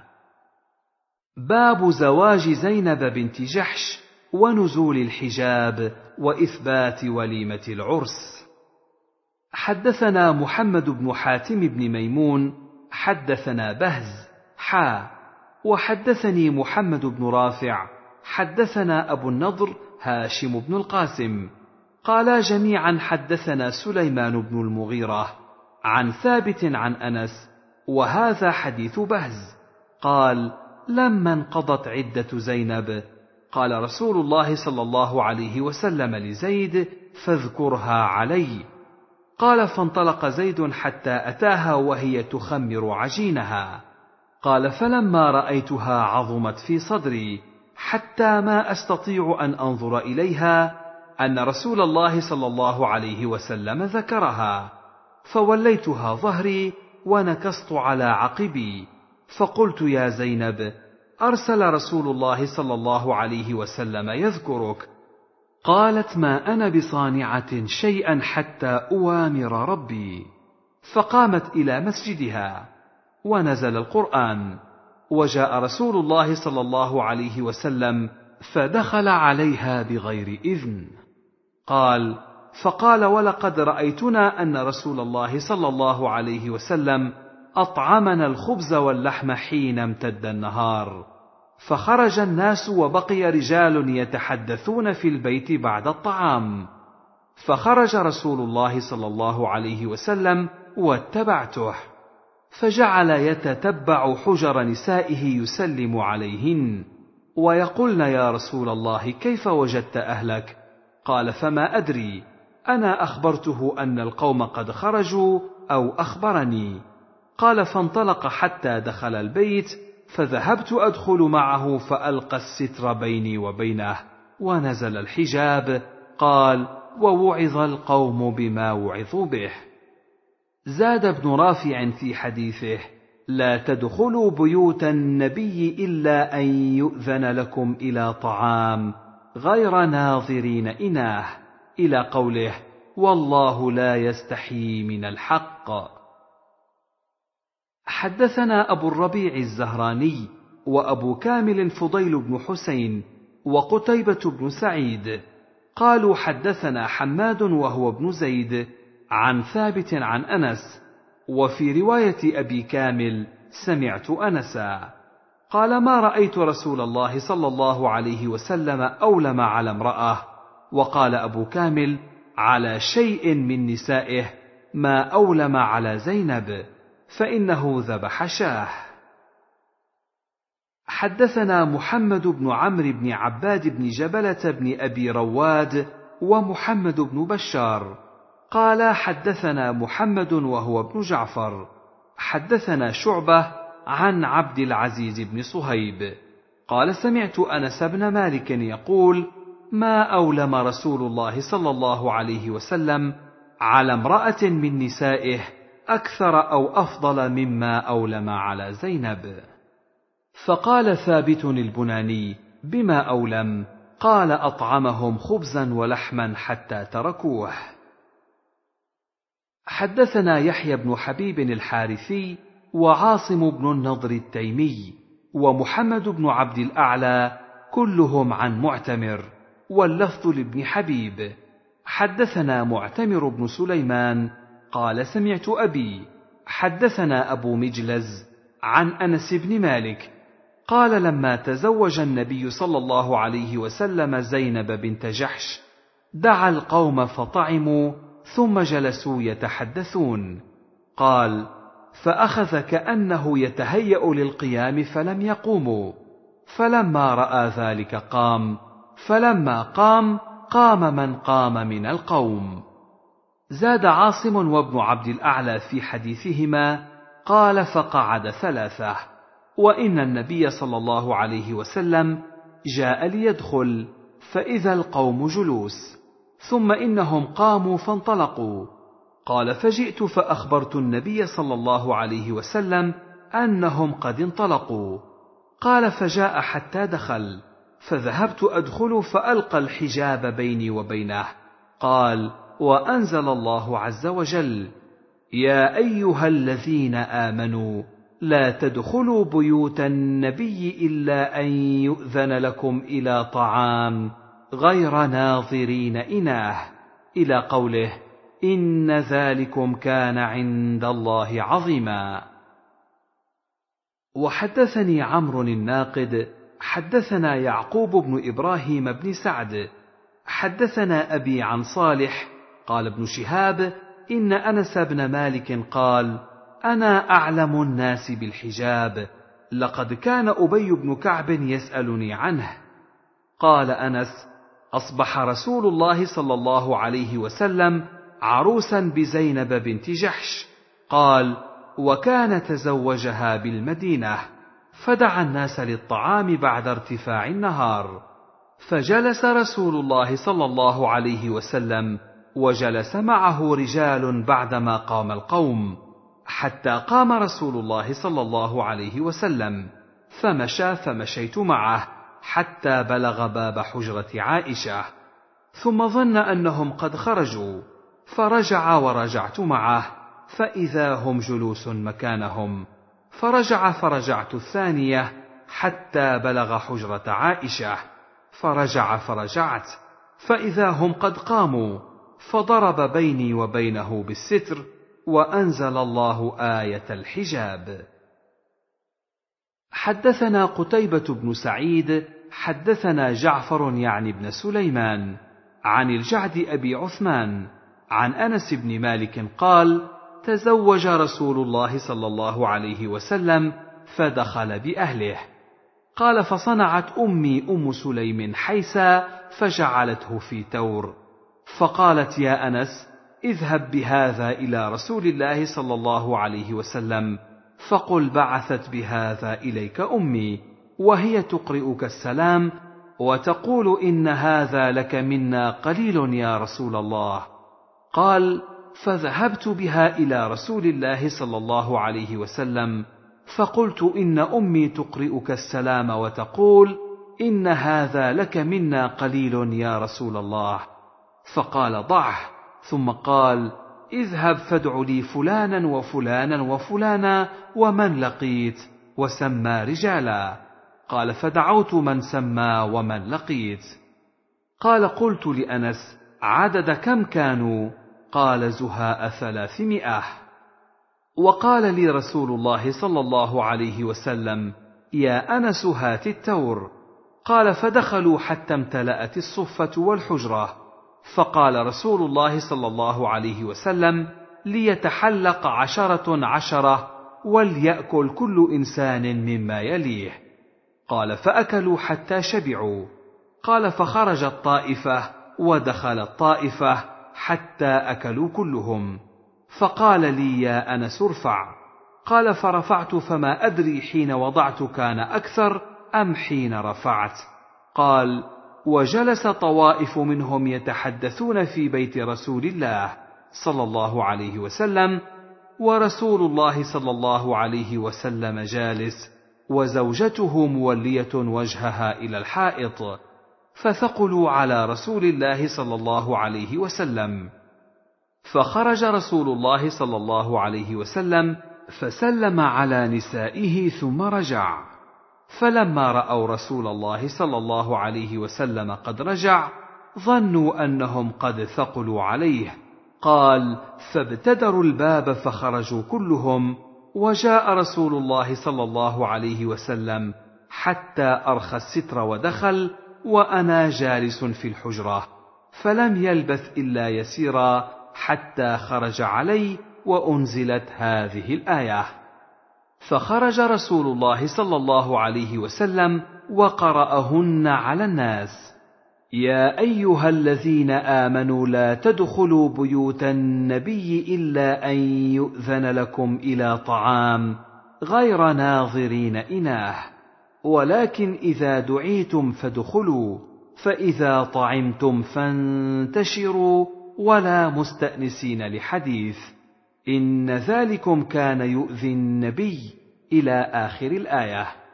قال الجعد قال أنس بن مالك أنا أحدث الناس عهدا بهذه الآيات وحجبن نساء النبي صلى الله عليه وسلم. وحدثني محمد بن رافع حدثنا عبد الرزاق حدثنا معمر عن أبي عثمان عن أنس قال لما تزوج النبي صلى الله عليه وسلم زينب أهدت له أم سليم حيسا في تور من حجارة فقال أنس فقال رسول الله صلى الله عليه وسلم اذهب فادع لي من لقيت من المسلمين فدعوت له من لقيت فجعلوا يدخلون عليه فيأكلون ويخرجون. ووضع النبي صلى الله عليه وسلم يده على الطعام فدعا فيه. وقال فيه ما شاء الله أن يقول ولم أدع أحدا لقيته إلا دعوته. فأكلوا حتى شبعوا وخرجوا. وبقي طائفة منهم فأطالوا عليه الحديث. فجعل النبي صلى الله عليه وسلم يستحيي منهم أن يقول لهم شيئا فخرج وتركهم في البيت فأنزل الله عز وجل يا أيها الذين آمنوا لا تدخلوا بيوت النبي إلا أن يؤذن لكم إلى طعام غير ناظرين إناه قال قتادة غير متحينين طعاما ولكن إذا دعيتم فادخلوا حتى بلغ ذلكم أطهر لقلوبكم وقلوبهن. باب الأمر بإجابة الداعي إلى دعوة. حدثنا يحيى بن يحيى قال قرأت على مالك عن نافع عن ابن عمر قال قال رسول الله صلى الله عليه وسلم إذا دعي أحدكم إلى الوليمة فليأتها. وحدثنا محمد بن المثنى حدثنا خالد بن الحارث عن عبيد الله عن نافع عن ابن عمر عن النبي صلى الله عليه وسلم قال إذا دعي أحدكم إلى الوليمة فليجب. قال خالد فإذا عبيد الله ينزله على العرس. حدثنا ابن نمير حدثنا أبي حدثنا عبيد الله عن نافع عن ابن عمر أن النبي صلى الله عليه وسلم قال إذا دعي أحدكم إلى وليمة عرس فليجب. حدثني أبو الربيع وأبو كامل قالا حدثنا حماد حدثنا أيوب حا. وحدثنا قتيبة حدثنا حماد عن أيوب عن نافع عن ابن عمر. قال قال رسول الله صلى الله عليه وسلم ائتوا الدعوة إذا دعيتم. وحدثني محمد بن رافع حدثنا عبد الرزاق أخبرنا معمر عن أيوب عن نافع أن ابن عمر كان يقول عن النبي صلى الله عليه وسلم إذا دعا أحدكم أخاه فليجب عرسا كان أو نحوه. وحدثني إسحاق بن منصور حدثني عيسى بن المنذر حدثنا بقية حدثنا الزبيدي عن نافع عن ابن عمر قال قال رسول الله صلى الله عليه وسلم من دعي إلى عرس أو نحوه فليجب حدثني حميد بن مسعدة الباهلي حدثنا بشر بن المفضل حدثنا إسماعيل بن أمية عن نافع عن عبد الله بن عمر قال قال رسول الله صلى الله عليه وسلم إيتوا الدعوة إذا دعيتم.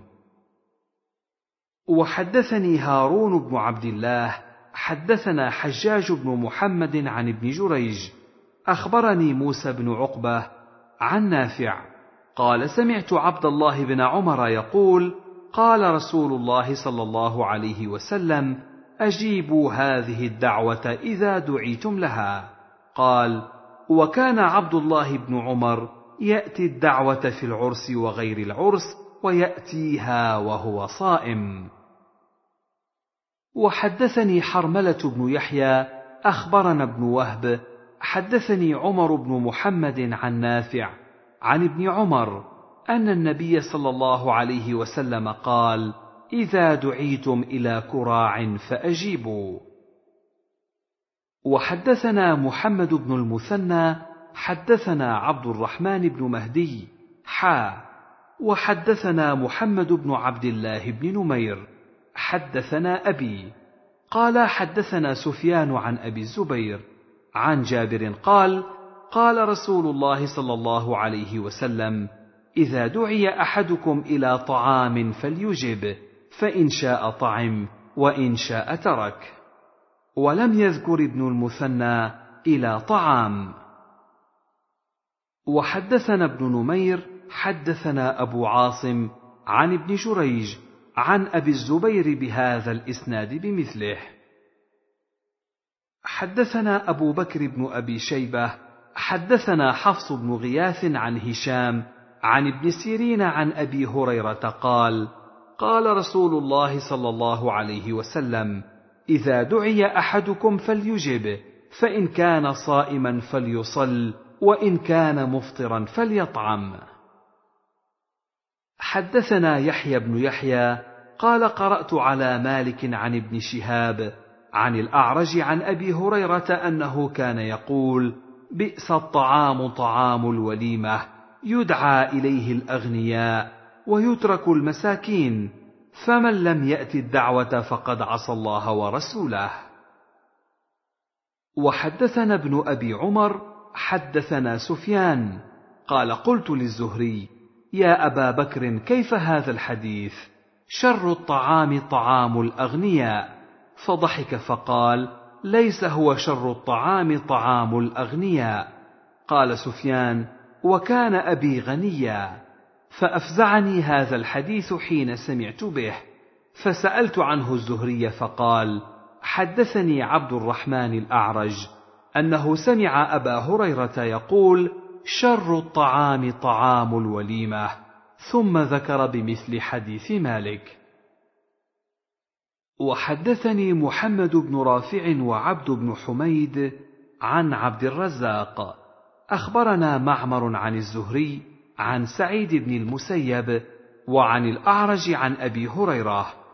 قال شر الطعام طعام الوليمة نحو حديث مالك. وحدثنا ابن أبي عمر حدثنا سفيان عن أبي الزناد عن الأعرج عن أبي هريرة نحو ذلك.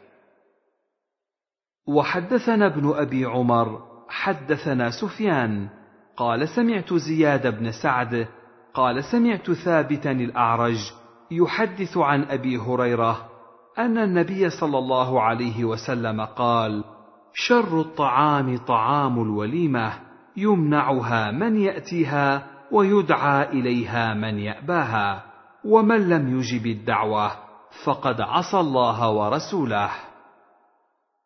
باب لا تحل المطلقة ثلاثا لمطلقها حتى تنكح زوجا غيره ويطأها ثم يفارقها وتنقضي عدتها. حدثنا أبو بكر بن أبي شيبة وعمر الناقد واللفظ لعمرو قال حدثنا سفيان عن الزهري عن عروة عن عائشة قالت جاءت امرأة رفاعة إلى النبي صلى الله عليه وسلم فقالت كنت عند رفاعة فطلقني فبت طلاقي. فتزوجت عبد الرحمن بن الزبير وإنما معه مثل هدبة الثوب. فتبسم رسول الله صلى الله عليه وسلم فقال أتريدين أن ترجعي إلى رفاعة؟ لا حتى تذوقي عسيلته ويذوق عسيلتك. قالت وأبو بكر عنده وخالد بالباب ينتظر أن يؤذن له. فنادى يا أبا بكر ألا تسمع هذه ما تجهر به عند رسول الله صلى الله عليه وسلم؟ حدثني أبو الطاهر وحرملة بن يحيى واللفظ لحرملة. قال أبو الطاهر حدثنا وقال حرملة أخبرنا ابن وهب. أخبرني يونس عن ابن شهاب. حدثني عروة بن الزبير أن عائشة زوج النبي صلى الله عليه وسلم أخبرته. أن رفاعة القرظي طلق امرأته فبت طلاقها فتزوجت بعده عبد الرحمن بن الزبير فجاءت النبي صلى الله عليه وسلم فقالت يا رسول الله إنها كانت تحت رفاعة فطلقها آخر ثلاث تطليقات فتزوجت بعده عبد الرحمن بن الزبير وإنه والله ما معه إلا مثل الهدبة. وأخذت بهدبة من جلبابها. قال فتبسم رسول الله صلى الله عليه وسلم ضاحكا. فقال لعلك تريدين أن ترجعي إلى رفاعة. لا حتى يذوق عسيلتك وتذوقي عسيلته. وأبو بكر الصديق جالس عند رسول الله صلى الله عليه وسلم. وخالد بن سعيد بن العاص جالس بباب الحجرة لم يؤذن له. قال فطفق خالد ينادي أبا بكر ألا تزجر هذه عما تجهر به عند رسول الله صلى الله عليه وسلم؟ حدثنا عبد بن حميد أخبرنا عبد الرزاق أخبرنا معمر عن الزهري عن عروة عن عائشة أن رفاعة القرظي طلق امرأته. فتزوجها عبد الرحمن بن الزبير فجاءت النبي صلى الله عليه وسلم فقالت يا رسول الله إن رفاعة طلقها آخر ثلاث تطليقات بمثل حديث يونس. حدثنا محمد بن العلاء الهمداني حدثنا أبو أسامة عن هشام عن أبيه عن عائشة أن رسول الله صلى الله عليه وسلم سئل عن المرأة يتزوجها الرجل فيطلقها فتتزوج رجلا فيطلقها قبل أن يدخل بها. أتحل لزوجها الأول؟ قال لا حتى يذوق عسيلتها. حدثنا أبو بكر بن أبي شيبة حدثنا ابن فضيل حا. وحدثنا أبو كريب حدثنا أبو معاوية جميعا عن هشام بهذا الإسناد. حدثنا أبو بكر بن أبي شيبة حدثنا علي بن مسهر عن عبيد الله بن عمر عن القاسم بن محمد عن عائشة قالت طلق رجل امرأته ثلاثا فتزوجها رجل ثم طلقها قبل أن يدخل بها فأراد زوجها الأول أن يتزوجها. فسئل رسول الله صلى الله عليه وسلم عن ذلك فقال لا حتى يذوق الآخر من عسيلتها ما ذاق الأول. وحدثناه محمد بن عبد الله بن نمير حدثنا أبي حا وحدثناه محمد بن المثنى حدثنا يحيى يعني بن سعيد جميعا عن عبيد الله بهذا الإسناد مثله. وفي حديث يحيى عن عبيد الله حدثنا القاسم عن عائشة. باب ما يستحب أن يقوله عند الجماع. حدثنا يحيى بن يحيى وإسحاق بن إبراهيم واللفظ ليحيى.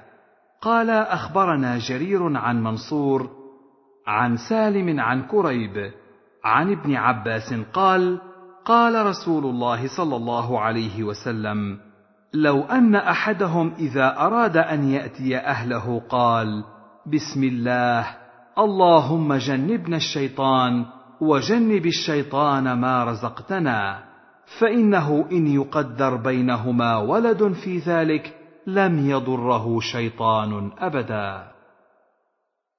وحدثنا محمد بن المثنى وابن بشار قال حدثنا محمد بن جعفر حدثنا شعبة حا. وحدثنا ابن نمير حدثنا أبي حا. وحدثنا عبد بن حميد أخبرنا عبد الرزاق جميعا عن الثوري كلاهما عن منصور بمعنى حديث جرير غير أن شعبة ليس في حديثه ذكر بسم الله. وفي رواية عبد الرزاق عن الثوري بسم الله. وفي رواية ابن نمير قال منصور أراه قال بسم الله. باب جواز جماعة امرأته في قبلها من قدامها ومن ورائها من غير تعرض للدبر. حدثنا قتيبة بن سعيد وأبو بكر بن أبي شيبة وعمر الناقد واللفظ لأبي بكر. قالوا حدثنا سفيان عن ابن المنكدر سمع جابرا يقول كانت اليهود تقول إذا أتى الرجل امرأته من دبرها في قبلها كان الولد أحول فنزلت نساؤكم حرث لكم فأتوا حرثكم أن شئتم. وحدثنا محمد بن رمح أخبرنا الليث عن ابن الهاد عن أبي حازم عن محمد بن المنكدر عن جابر بن عبد الله أن يهود كانت تقول إذا أتيت المرأة من دبرها في قبلها ثم حملت كان ولدها أحول. قال فأنزلت نساؤكم حرث لكم فأتوا حرثكم أن شئتم.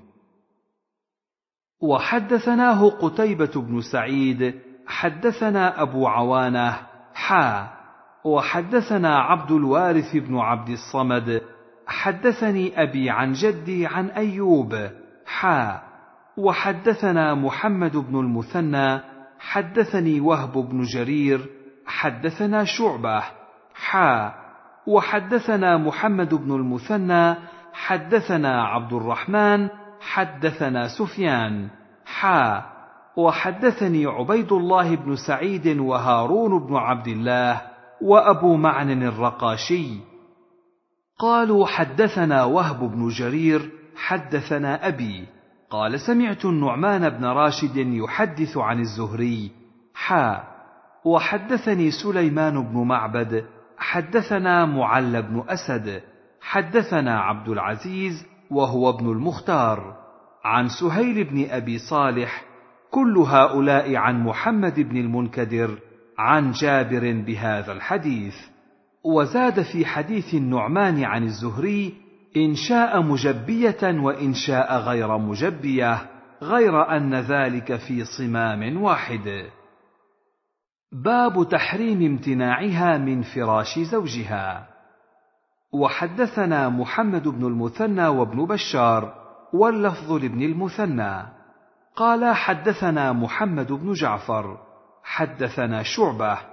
قال سمعت قتادة يحدث عن زرارة بن أوفى عن أبي هريرة عن النبي صلى الله عليه وسلم قال إذا باتت المرأة هاجرة فراش زوجها لعنتها الملائكة حتى تصبح.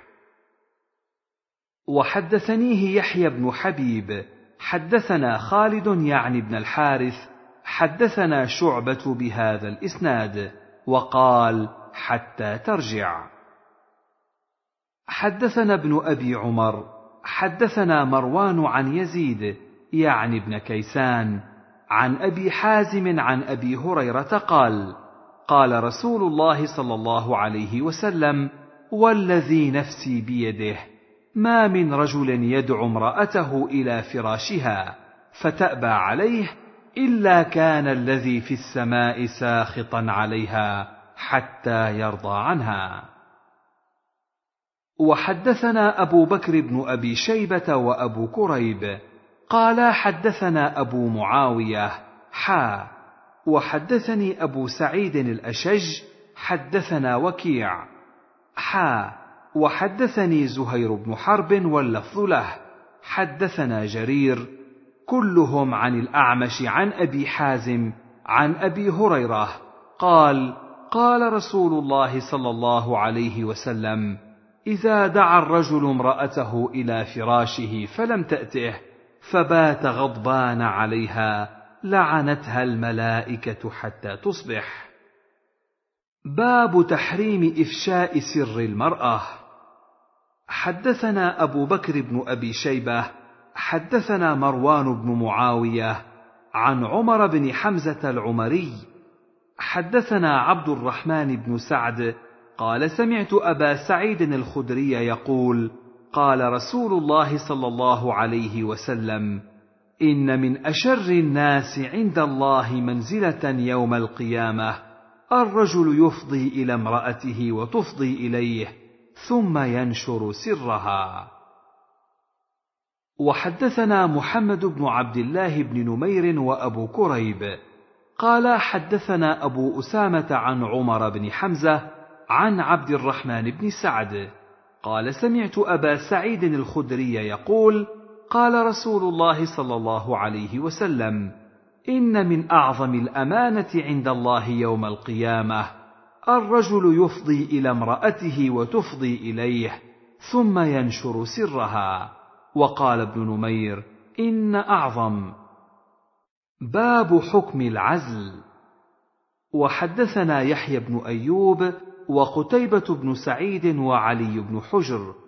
قالوا حدثنا إسماعيل بن جعفر أخبرني ربيعة عن محمد بن يحيى بن حبان عن ابن محيريز أنه قال دخلت أنا وأبو صرمة على أبي سعيد الخدري فسأله أبو صرمة فقال يا أبا سعيد هل سمعت رسول الله صلى الله عليه وسلم يذكر العزل؟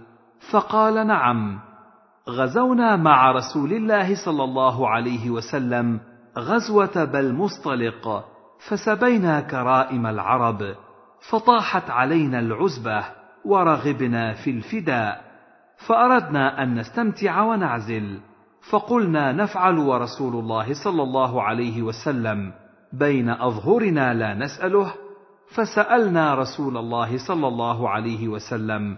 فقال لا عليكم ألا تفعلوا. ما كتب الله خلق نسمة هي كائنة إلى يوم القيامة إلا ستكون. حدثني محمد بن الفرج مولى بني هاشم حدثنا محمد بن الزبرقان حدثنا موسى بن عقبة عن محمد بن يحيى بن حبان بهذا الإسناد في معنى حديث ربيعة غير أنه قال فإن الله كتب من هو خالق إلى يوم القيامة حدثني عبد الله بن محمد بن أسماء الضبعي حدثنا جويرية عن مالك عن الزهري عن ابن محيريز عن أبي سعيد الخدري أنه أخبره قال أصبنا سبايا فكنا نعزل. ثم سألنا رسول الله صلى الله عليه وسلم عن ذلك فقال لنا وإنكم لتفعلون وإنكم لتفعلون وإنكم لتفعلون. ما من نسمة كائنة إلى يوم القيامة إلا هي كائنة. وحدثنا نصر بن علي الجهضمي حدثنا بشر بن المفضل حدثنا شعبة عن أنس بن سيرين عن معبد بن سيرين عن أبي سعيد الخدري قال قلت له سمعته من أبي سعيد؟ قال نعم. عن النبي صلى الله عليه وسلم قال لا عليكم ألا تفعلوا فإنما هو القدر. وحدثنا محمد بن المثنى وابن بشار. قال حدثنا محمد بن جعفر حا. وحدثنا يحيى بن حبيب حدثنا خالد يعني ابن الحارث حا. وحدثني محمد بن حاتم حدثنا عبد الرحمن بن مهدي وبهز. قالوا جميعا. حدثنا شعبة عن أنس بن سيرين بهذا الإسناد مثله. غير أن في حديثهم عن النبي صلى الله عليه وسلم قال في العزل لا عليكم ألا تفعلوا ذاكم فإنما هو القدر. وفي رواية بهز قال شعبة قلت له سمعته من أبي سعيد قال نعم. وحدثني أبو الربيع الزهراني وأبو كامل الجحدري واللفظ لأبي كامل. قال حدثنا حماد وهو ابن زيد حدثنا أيوب عن محمد عن عبد الرحمن بن بشر بن مسعود رده إلى أبي سعيد الخدري قال سئل النبي صلى الله عليه وسلم عن العزل فقال لا عليكم ألا تفعلوا ذاكم فإنما هو القدر. قال محمد وقوله لا عليكم أقرب إلى النهي. وحدثنا محمد بن المثنى حدثنا معاذ بن معاذ. حدثنا ابن عون عن محمد عن عبد الرحمن بن بشر الأنصاري قال فرد الحديث حتى رده إلى أبي سعيد الخدري. قال ذكر العزل عند النبي صلى الله عليه وسلم فقال وما ذاكم؟ قالوا الرجل تكون له المرأة. ترضع فيصيب منها ويكره أن تحمل منه والرجل تكون له الأمة فيصيب منها ويكره أن تحمل منه. قال فلا عليكم ألا تفعلوا ذاكم فإنما هو القدر. قال ابن عون فحدثت به الحسن فقال والله لكان هذا زجر. وحدثني حجاج بن الشاعر حدثنا سليمان بن حرب حدثنا حماد بن زيد عن ابن عون قال حدثت محمدا عن إبراهيم بحديث عبد الرحمن بن بشر يعني حديث العزل فقال إياي حدثه عبد الرحمن بن بشر. حدثنا محمد بن المثنى حدثنا عبد الأعلى حدثنا هشام عن محمد عن معبد بن سيرين قال قلنا لأبي سعيد هل سمعت رسول الله صلى الله عليه وسلم يذكر في العزل شيئا؟ قال نعم وساق الحديث بمعنى حديث ابن عون إلى قوله القدر. حدثنا عبيد الله بن عمر القواريري وأحمد بن عبده. قال ابن عبده أخبرنا وقال عبيد الله حدثنا سفيان بن عيينة عن ابن أبي نجيح عن مجاهد عن قزعة عن أبي سعيد الخدري قال ذكر العزل عند رسول الله صلى الله عليه وسلم فقال ولم يفعل ذلك أحدكم؟ ولم يقل فلا يفعل ذلك أحدكم فإنه ليست نفس مخلوقة إلا الله خالقها. حدثني هارون بن سعيد الأيلي حدثنا عبد الله بن وهب أخبرني معاوية يعني ابن صالح عن علي بن أبي طلحة عن أبي الوداك عن أبي سعيد الخدري سمعه يقول سئل رسول الله صلى الله عليه وسلم عن العزل فقال ما من كل الماء يكون الولد وإذا أراد الله خلق شيء لم يمنعه شيء. حدثني أحمد بن المنذر البصري حدثنا زيد بن حباب حدثنا معاوية أخبرني علي بن أبي طلحة الهاشمي عن أبي الوداك عن أبي سعيد الخدري عن النبي صلى الله عليه وسلم بمثله. حدثنا أحمد بن عبد الله بن يونس حدثنا زهير أخبرنا أبو الزبير عن جابر أن رجلا أتى رسول الله صلى الله عليه وسلم فقال إن لي جارية هي خادمنا وسانيتنا وأنا أطوف عليها وأنا أكره أن تحمل. فقال اعزل عنها إن شئت فإنه سيأتيها ما قدر لها. فلبث الرجل ثم أتاه فقال إن الجارية قد حبلت. فقال قد أخبرتك أنه سيأتيها ما قدر لها. حدثنا سعيد بن عمرو الأشعثي حدثنا سفيان بن عيينة عن سعيد بن حسان عن عروة بن عياض عن جابر بن عبد الله قال سأل رجل النبي صلى الله عليه وسلم فقال إن عندي جارية لي وأنا أعزل عنها. فقال رسول الله صلى الله عليه وسلم إن ذلك لن يمنع شيئا أراده الله. قال فجاء الرجل فقال يا رسول الله إن الجارية التي كنت ذكرتها لك حملت. فقال رسول الله صلى الله عليه وسلم أنا عبد الله ورسوله. وحدثنا حجاج بن الشاعر حدثنا أبو أحمد الزبيري حدثنا سعيد بن حسان قاص أهل مكة. أخبرني عروة بن عياض بن عدي بن الخيار النوفلي عن جابر بن عبد الله قال جاء رجل إلى النبي صلى الله عليه وسلم بمعنى حديث سفيان. حدثنا أبو بكر بن أبي شيبة وإسحاق بن إبراهيم. قال إسحاق أخبرنا وقال أبو بكر حدثنا سفيان عن عمرو عن عطاء عن جابر قال كنا نعزل والقرآن ينزل. زاد إسحاق قال سفيان لو كان شيئا ينهى عنه لنهانا عنه القرآن. وحدثني سلمة بن شبيب حدثنا الحسن بن أعين حدثنا معقل عن عطاء قال سمعت جابرا يقول لقد كنا نعزل على عهد رسول الله صلى الله عليه وسلم وحدثني أبو غسان المسمعي حدثنا معاذ يعني ابن هشام حدثني أبي عن أبي الزبير عن جابر قال كنا نعزل على عهد رسول الله صلى الله عليه وسلم. فبلغ ذلك نبي الله صلى الله عليه وسلم فلم ينهنا. باب تحريم وطء الحامل المسبية.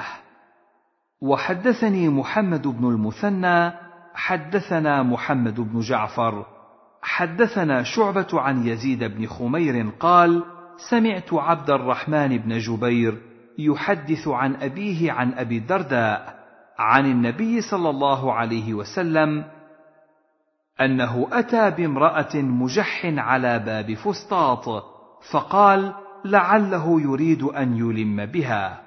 فقالوا نعم. فقال رسول الله صلى الله عليه وسلم لقد هممت أن ألعنه لعنا يدخل معه قبره كيف يورثه وهو لا يحل له؟ كيف يستخدمه وهو لا يحل له. وحدثناه أبو بكر بن أبي شيبة حدثنا يزيد بن هارون حا. وحدثنا محمد بن بشار حدثنا أبو داود جميعا عن شعبة في هذا الإسناد. باب جواز الغيلة وهي وطء المرضع وكراهة العزل. وحدثنا خلف بن هشام حدثنا مالك بن أنس حا وحدثنا يحيى بن يحيى واللفظ له. قال قرأت على مالك عن محمد بن عبد الرحمن بن نوفل عن عروة عن عائشة عن جدامة بنت وهب الأسدية أنها سمعت رسول الله صلى الله عليه وسلم يقول لقد هممت أن أنهى عن الغيلة حتى ذكرت أن الروم وفارس يصنعون ذلك فلا يضر أولادهم. قال مسلم وأما خلف فقال عن جذامة الأسدية والصحيح ما قاله يحيى بالدال. حدثنا عبيد الله بن سعيد ومحمد بن أبي عمر. قالا حدثنا المقري حدثنا سعيد بن أبي أيوب حدثني أبو الأسود عن عروة عن عائشة عن جدامة بنت وهب أخت عكاشة. قالت حضرت رسول الله صلى الله عليه وسلم في أناس وهو يقول لقد هممت أن أنهى عن الغيلة فنظرت في الروم وفارس فإذا هم يغيلون أولادهم فلا يضر أولادهم ذلك شيئا. ثم سألوه عن العزل فقال رسول الله صلى الله عليه وسلم ذلك الوأد الخفي. زاد عبيد الله في حديثه عن المقرئ وهي وإذا الموءوده سئلت. وحدثناه أبو بكر بن أبي شيبة حدثنا يحيى بن إسحاق حدثنا يحيى بن أيوب عن محمد بن عبد الرحمن بن نوفل القرشي عن عروة عن عائشة عن جدامة بنت وهب الأسدية أنها قالت سمعت رسول الله صلى الله عليه وسلم فذكر بمثل حديث سعيد بن أبي أيوب في العزل والغيلة غير أنه قال الغيال. حدثني محمد بن عبد الله بن نمير وزهير بن حرب واللفظ لابن نمير. قال حدثنا عبد الله بن يزيد المقبوري. حدثنا حيوة حدثني عياش بن عباس أن أبا النضر حدثه عن عامر بن سعد أن أسامة بن زيد أخبر والده سعد بن أبي وقاص أن رجلا جاء إلى رسول الله صلى الله عليه وسلم فقال: إني أعزل عن امرأتي. فقال له رسول الله صلى الله عليه وسلم: لم تفعل ذلك؟ فقال الرجل: أشفق على ولدها أو على أولادها.